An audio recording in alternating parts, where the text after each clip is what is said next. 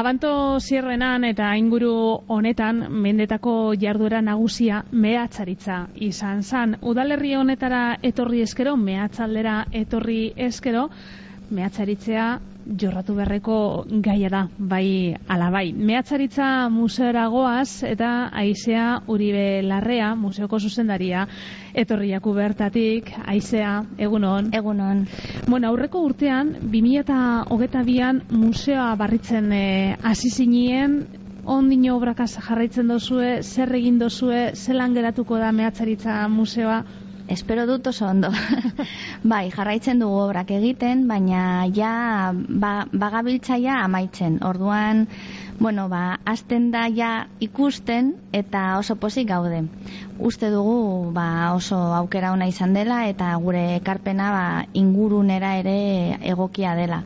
Baina noski hori amaitzean ikusiko dugu eta gero baita ere beharrezkoa da jendeak uste duena edo ikusten duena jakitea e, bueno, gure intentzioak beti dira onak, ez? Esan nahi dut museoa badago gaur egun meategiaren alboan, baina badakizu ingurunean badago trafiko asko, errepideak daude, poligono industrialak bebai, orduan apurka apurka e, gure asmoa da ingurunea pizka bat e, ezakit, erosoagoa egiten edo ezain bortitza. Eta orduan ba hasi gara em, em, nola da em, esaten da e, e, gurpildun e, e, aukiarekin joan alizateko eta aksesibilitate mailan ere e, erosoagoa egiten museoko ibilbidea.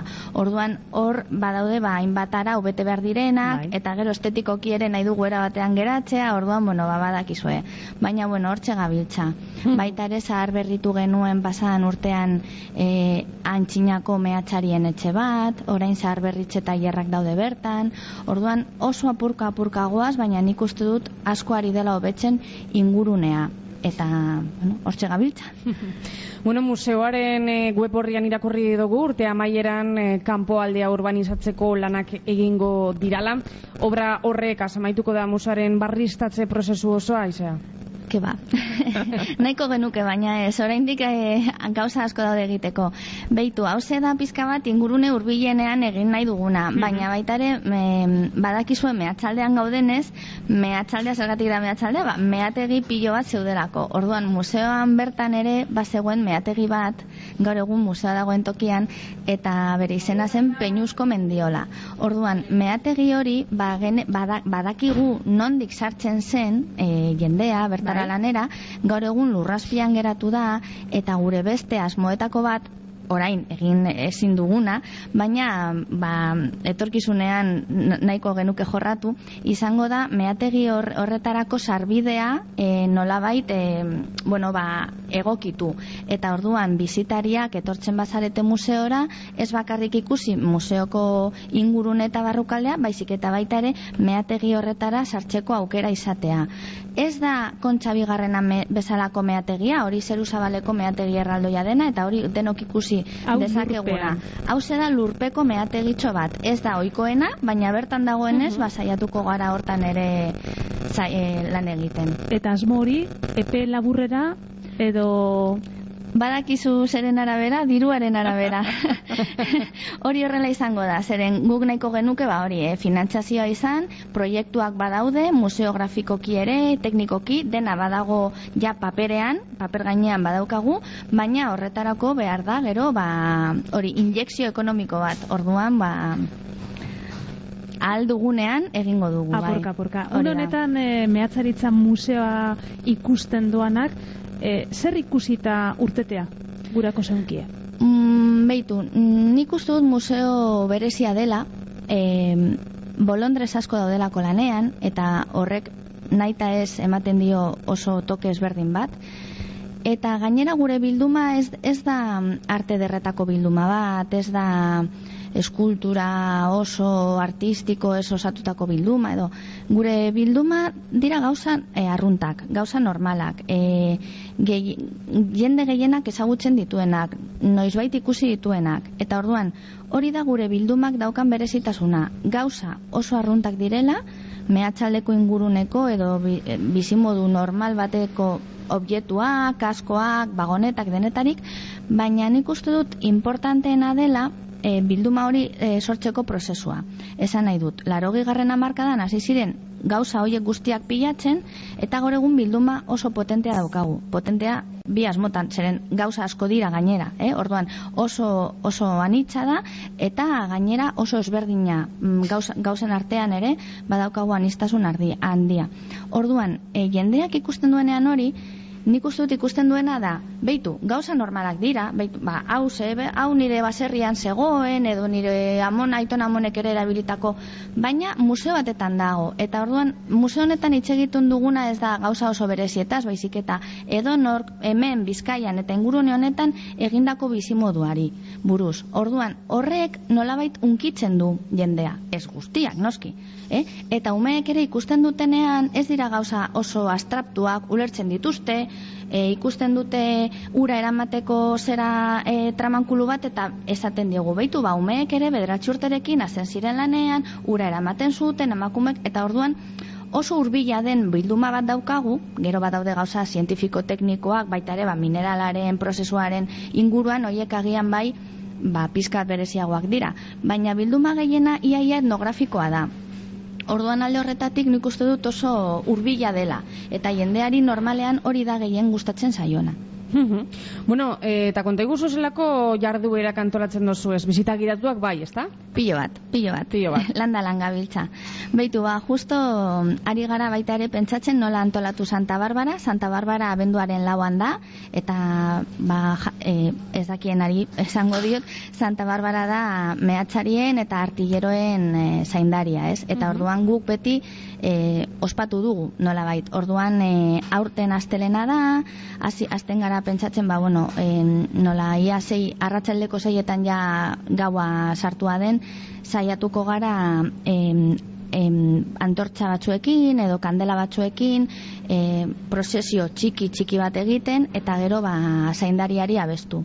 Hori egingo dugu eta gero ba ez dakit edo txokolatada bat edo zerbait jateko baita ere, ez, berotxeko Hori ari gara prestatzen oraintze bertan. Eta gero baita ere baditugu gabonetako tailerrak umetxoekin hoiek ja beteta daude, erreserban sortzi plaza ditugu, eta, eta baita ere badaukagu aurten, eta berezitasun moduan, enkarturrekin e, e, eskualdeko turismo erakundearekin badauzkagu baita ere bizita gidatu batzuk e, mehatxalde ingurunetik, bai muskizetik eta bai sugaztietatik.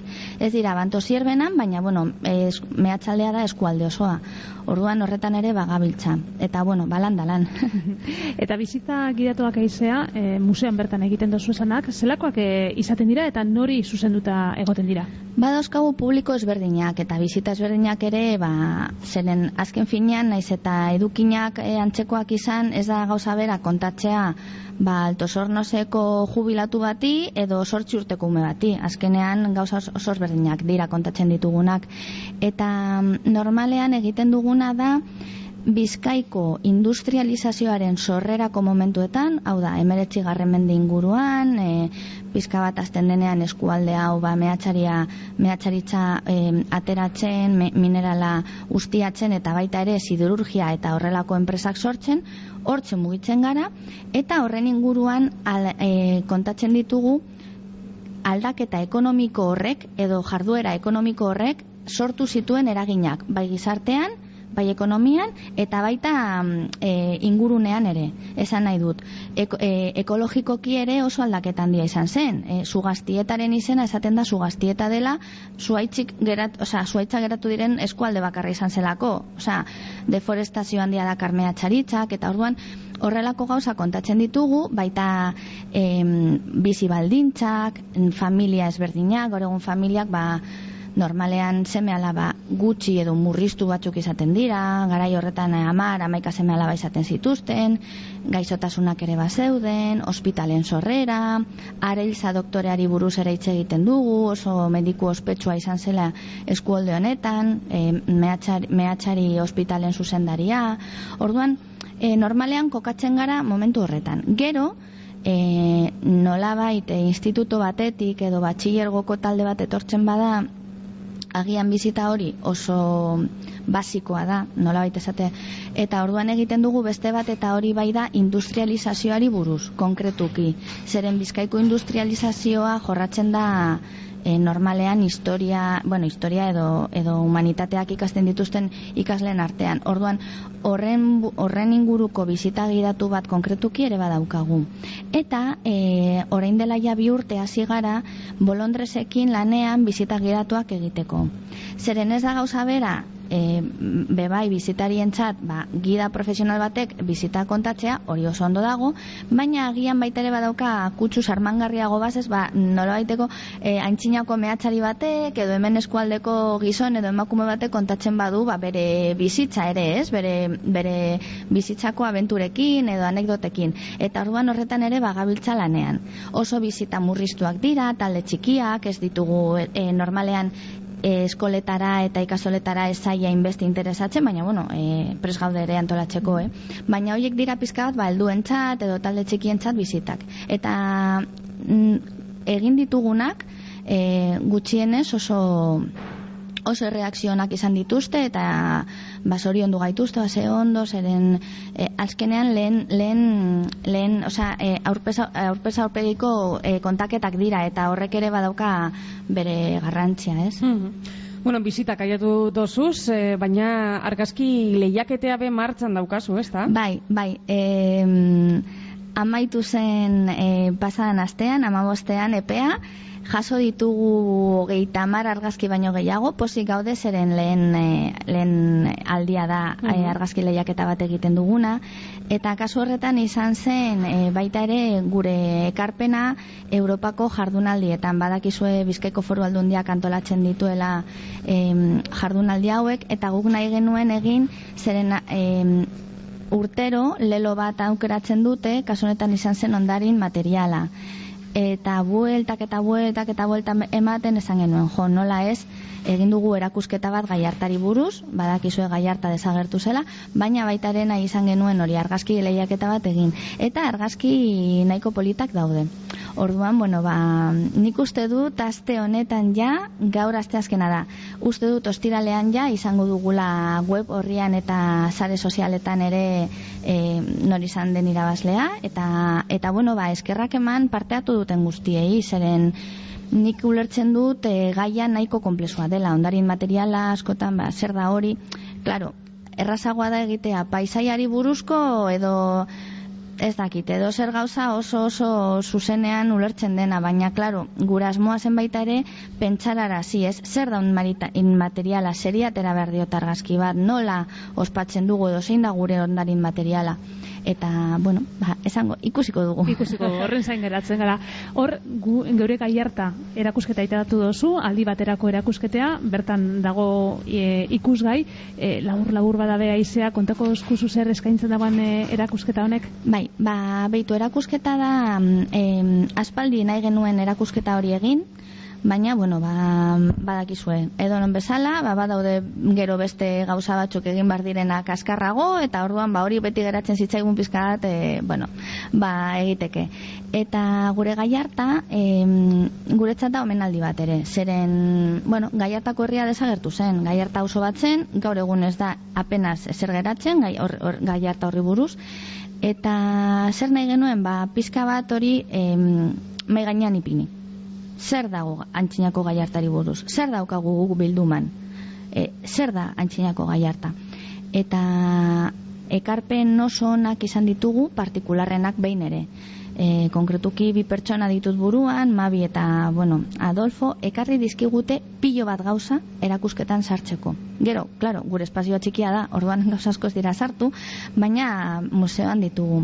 Zinemako sarrerak, gaur egun ja, bueno, ba, gai hartan sinema bat izatea, ez dakit, baina oso arraroa da, ez? Mm. Ba, garai horretan, ba, zegoen, eta gainera jende asko jaten zen sinemara, herri txiki guztietan ere baseude, baina, bueno, ba, baditugu horrelako gauzak, baditugu planoak, baita ere gai harta bota zuteneko garaiko planoak, e, espropiazioaren boletin ofiziala ikusten da nola, nola egin zuten edo nola arautu zuten dena. E, kuadroak, artelanak, baita ere, bai jendeak, hemengo jendeak hori marrastu du. E, Aintzinako etxeak marrastu ditu, edo margostu ditu, ba, nola zen, hau zen ez dakit zer, dendak, eskaparateko argazkiak, pertsonen argazkiak ere, ez dugu hori astu izan nahi zeren, askotan igual herri bati buruzko ez dakit erakusketa bat egitean, edo hartzen duzu planoak, etxeak, ez dakit zer, baina gero nor bizi zen hor, ba, baditugu baita ere argazkiak, nolako jarduera kulturalak egiten ziren, e, nor biltzen zen frontoian, orduan, espazioa txikia da, txikia geratu zaigu, baina saiatu gara hori egiten eta nik uste dut lortu dugula. Gaiartako jende asko etorri da erakusketara e, bueno, gauza asko daude e, oraindik ere jartzeko eh?